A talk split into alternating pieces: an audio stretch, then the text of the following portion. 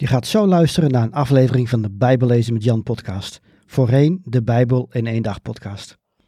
De genoemde links in deze uitzending kunnen verouderd zijn. Kijk op bijbellezenmetjan.nl of in de omschrijving van deze aflevering voor meer informatie over hoe ik mensen en kerken kan helpen met het lezen, begrijpen en geloven van de Bijbel. Welkom bij de Bijbel in één dag podcast. Mijn naam is Jan Heijnen. Ik ben auteur van het boek De Bijbel in één dag. Ik geloof dat de Bijbel Gods woord is en dat we allemaal deel uitmaken van zijn verhaal. De Bijbel is ook een vreemd boek soms. Ik help christenen de Bijbel te lezen, te begrijpen en te geloven. Op de kun je het e-book De Bijbel in één dag gratis downloaden. Ook kun je de paperback bestellen of je inschrijven voor een van mijn cursussen of seminars. Oké, laten we met de aflevering beginnen. En welkom terug bij de Bijbel in één dag podcast. Als je dit luistert in januari 2023, dan moet ik je eerst even vertellen dat de Bijbel in één dag podcast een nogal onvrijwillige pauze heeft gehad in december. En dat komt omdat ik een goede 2,5 week ziek ben geweest. Uh, en daarna natuurlijk flink achterliep met mijn werk. Maar inmiddels ben ik weer beter en ook weer bij en zal ik weer proberen wekelijks een aflevering online te zetten. In de volgende aflevering hervatten we onze reis door de Bijbel met het Nieuwe Testament. Maar eerst wil ik graag iets anders met je delen. Maar voor ik dat doe, wil ik je mee terugnemen. 21 jaar in de tijd. Toen was ik 23 en pas afgestudeerd als journalist. Ik kocht toen mijn eigen eerste Bijbel op de markt in Spakenburg. Het was een exemplaar van het leven. Dat is geen letterlijke vertaling van Gods woord, maar meer een vers voor vers navertelling. Het meest behulpzaam waren echter de uitgebreide voetnoten die je vertelden hoe je de Bijbeltekst kan toepassen in je eigen leven. Daarom heet het boek ook Het Leven. En dat hielp heel erg, want zelf kon ik eigenlijk weinig kaas maken van de soms vreemde verhalen. Twee jaar later, in 2004, kwam de NBV-vertaling uit. En mijn toenmalige werkgever Open Doors gaf dit aan alle personeelsleden in plaats van het traditionele kerstpakket. En het was mijn motivatie om de Bijbel eens helemaal te lezen in een echte, maar moderne vertaling. En ik las de Bijbel toen zoals je gewoon een boek leest. Dus hele hoofdstukken per keer. Wel met horten en stoten. Dan weer eens een week heel veel, dan weer eens een week heel weinig, of zelfs een tijdje helemaal niet. En later leerde ik stille tijd houden. Zeg maar één tekst per keer lezen en daar dan op reflecteren voor jezelf. En ik vind het nog steeds wel eens lastig om een vast moment op de dag te hebben waarop ik een Gods woord lees. Zo is er afgelopen jaar, in 2022 dus, veel gebeurd in mijn leven en ik zoek op dit moment naar een nieuw ritme. En de vraag die steeds bij mij terugkomt is: hoe wil de Bijbel eigenlijk worden gelezen? En voor een cursus die binnenkort begint voor mij, moet ik het hele evangelie van Marcus lezen. En ik lees het snel en krijg een globale indruk van waar het boek over gaat, maar ik mis ook heel veel details. Dus eerste vraag dan, moet ik het dan langzaam lezen? Hoofdstuk voor hoofdstuk of zelfs verhaaltje voor verhaaltje? Nou, dan duurt het wel erg lang voor ik het boek uit heb en mis ik misschien weer de hoofdlijn. Dus ik ben op zoek gegaan, ik heb wat research gedaan naar hoe de eerste christenen de Bijbel lazen. Wat deden ze eigenlijk in de tijd van Petrus, Johannes en Paulus? En hoe leerden deze vroege kerkleiders de gelovigen over de Bijbel? Hielden ze toen bijvoorbeeld ook dagelijks stille tijd?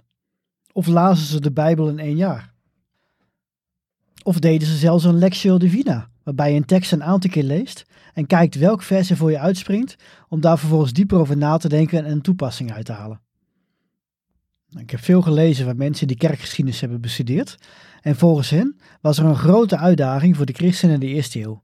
Want slechts zo'n 15% kon lezen. En zelfs al kon je lezen, dan had je waarschijnlijk geen Bijbel in de kast staan die je even makkelijk kon pakken en open kon slaan. In die tijd waren sowieso geen gebonden boeken. Alles wat op schrift stond, werd geschreven op boekrollen. En die werden met de hand gekopieerd. Dat was een tijdrovende klus. Tel daarbij de hoge materiaalkosten op en je zult begrijpen dat een boekrol erg duur was. Voor de meeste mensen misschien wel onbetaalbaar. Nu hadden de Joodse synagogen in die tijd exemplaren van de boekrollen van de Hebreeuwse Bijbel. En tijdens de vieringen lazen de rabbies, en soms ook wel andere mannen, hier uitgebreid het voor. Soms gaven ze er uitleg en interpretatie bij, maar soms ook niet. Luisteren naar het woord van God, daar ging het om. De vroege kerk nam dit gebruik over. Ook bij hen werden de oude Joodse geschriften gelezen. En later werden daar dan de vier evangeliën, handelingen, de brieven van het Nieuwe Testament en openbaringen toegevoegd. Zeker in de eerste eeuw hadden de huiskerken meestal niet de beschikking over de complete Bijbel zoals wij die kennen. Het kon bijvoorbeeld zijn dat je als kerk geen kopie had van iedere brief van Paulus. Maar waar het om gaat, is dat de Bijbel werd gelezen in de gemeenschap van gelovigen. Met een groep dus. Hardop. Soms met uitleg, soms niet. Met z'n allen luisteren naar Gods woord en het gewoon zijn werk laten doen. De apostel Paulus die stuurde op een gegeven moment zijn jonge medewerker Timotheus naar Efeze om de kerk daar te leiden. Zijn opdracht was om iets te doen aan de dwaaleren die de kerk waren binnengeslopen. En later schreef Paulus een brief aan Timotheus om hem aan te moedigen. En daarbij gaf hij zijn metgezel deze instructie. In afwachting van mijn komst moet je je toeleggen op het voorlezen uit de schrift, schreef hij, op de prediking en het onderricht. Met andere woorden, voorlezen, preken, onderwijzen. Dat is wat Timotheus moet doen. In de HSV-vertaling staat het iets anders. Daar wordt gesproken over voorlezen, over vermanen en onderwijzen. En met vermanen wordt dan bedoeld sturen in een bepaalde richting. Maar tijden veranderen natuurlijk. Moeten wij het in deze eeuw op dezelfde manier doen als toen? Onze samenleving en cultuur zijn natuurlijk radicaal anders. Wij zijn veel individualistischer ingesteld. Bovendien kunnen we nu lezen, de meeste van ons in ieder geval wel. En iedereen kan een Bijbel kopen of gratis op internet downloaden. En als je toch graag een fysiek exemplaar wilt hebben, maar je hebt er geen budget voor, dan kun je bij de Nederlandse Bijbelvereniging gratis een fysiek exemplaar krijgen. Ook is het mogelijk om de Bijbel online te beluisteren. Zo is de NBG bezig met een project om de NBV hoofdstuk voor hoofdstuk op YouTube te zetten. Dus iedereen die kan lezen of luisteren, kan de Bijbel zelf tot zich nemen. Dat is heel mooi en zeker ook aan te raden. Het is een voorrecht dat de eerste christenen, de meeste van hen in ieder geval, niet hadden. Maar er is een aantal obstakels. Als je veel en snel leest, mis je een hoop details die doelbewust in de tekst zijn gezet. Met andere woorden, je kunt er nog iets van leren. Eigenlijk moet je er iets van leren. Ten tweede, als je kijkt welk vers eruit springt, dan mis je het grote plaatje. En ten derde, de Bijbel is voor ons geschreven, maar niet aan ons. Met het laatste bedoel ik dat God de Bijbel beschikbaar heeft gesteld aan ons om ervan te leren, maar de eerste lezers waren Israëlieten en de nieuwe gelovigen na Jezus hemelvaart. Dus de Bijbel is in eerste instantie aan hen geschreven en niet direct aan ons. En deze mensen die spraken talen die wij niet kennen en leefden in culturen die inmiddels verloren zijn gegaan. Zij vertelden een verhaal op andere manieren, hun gedichten volgden andere regels dan waar wij mee bekend zijn. Is het dan gek dat wij de Bijbel soms een wereldvreemd boek vinden? Dat is een retorische vraag natuurlijk, want het antwoord is nee. Het is niet gek. Maar het interessante is dat de Bijbel zelf ook aanwijzingen geeft voor hoe Gods woord moet worden gelezen. Kijk maar eens naar Psalm 1. Ik lees uit de NBV-vertaling.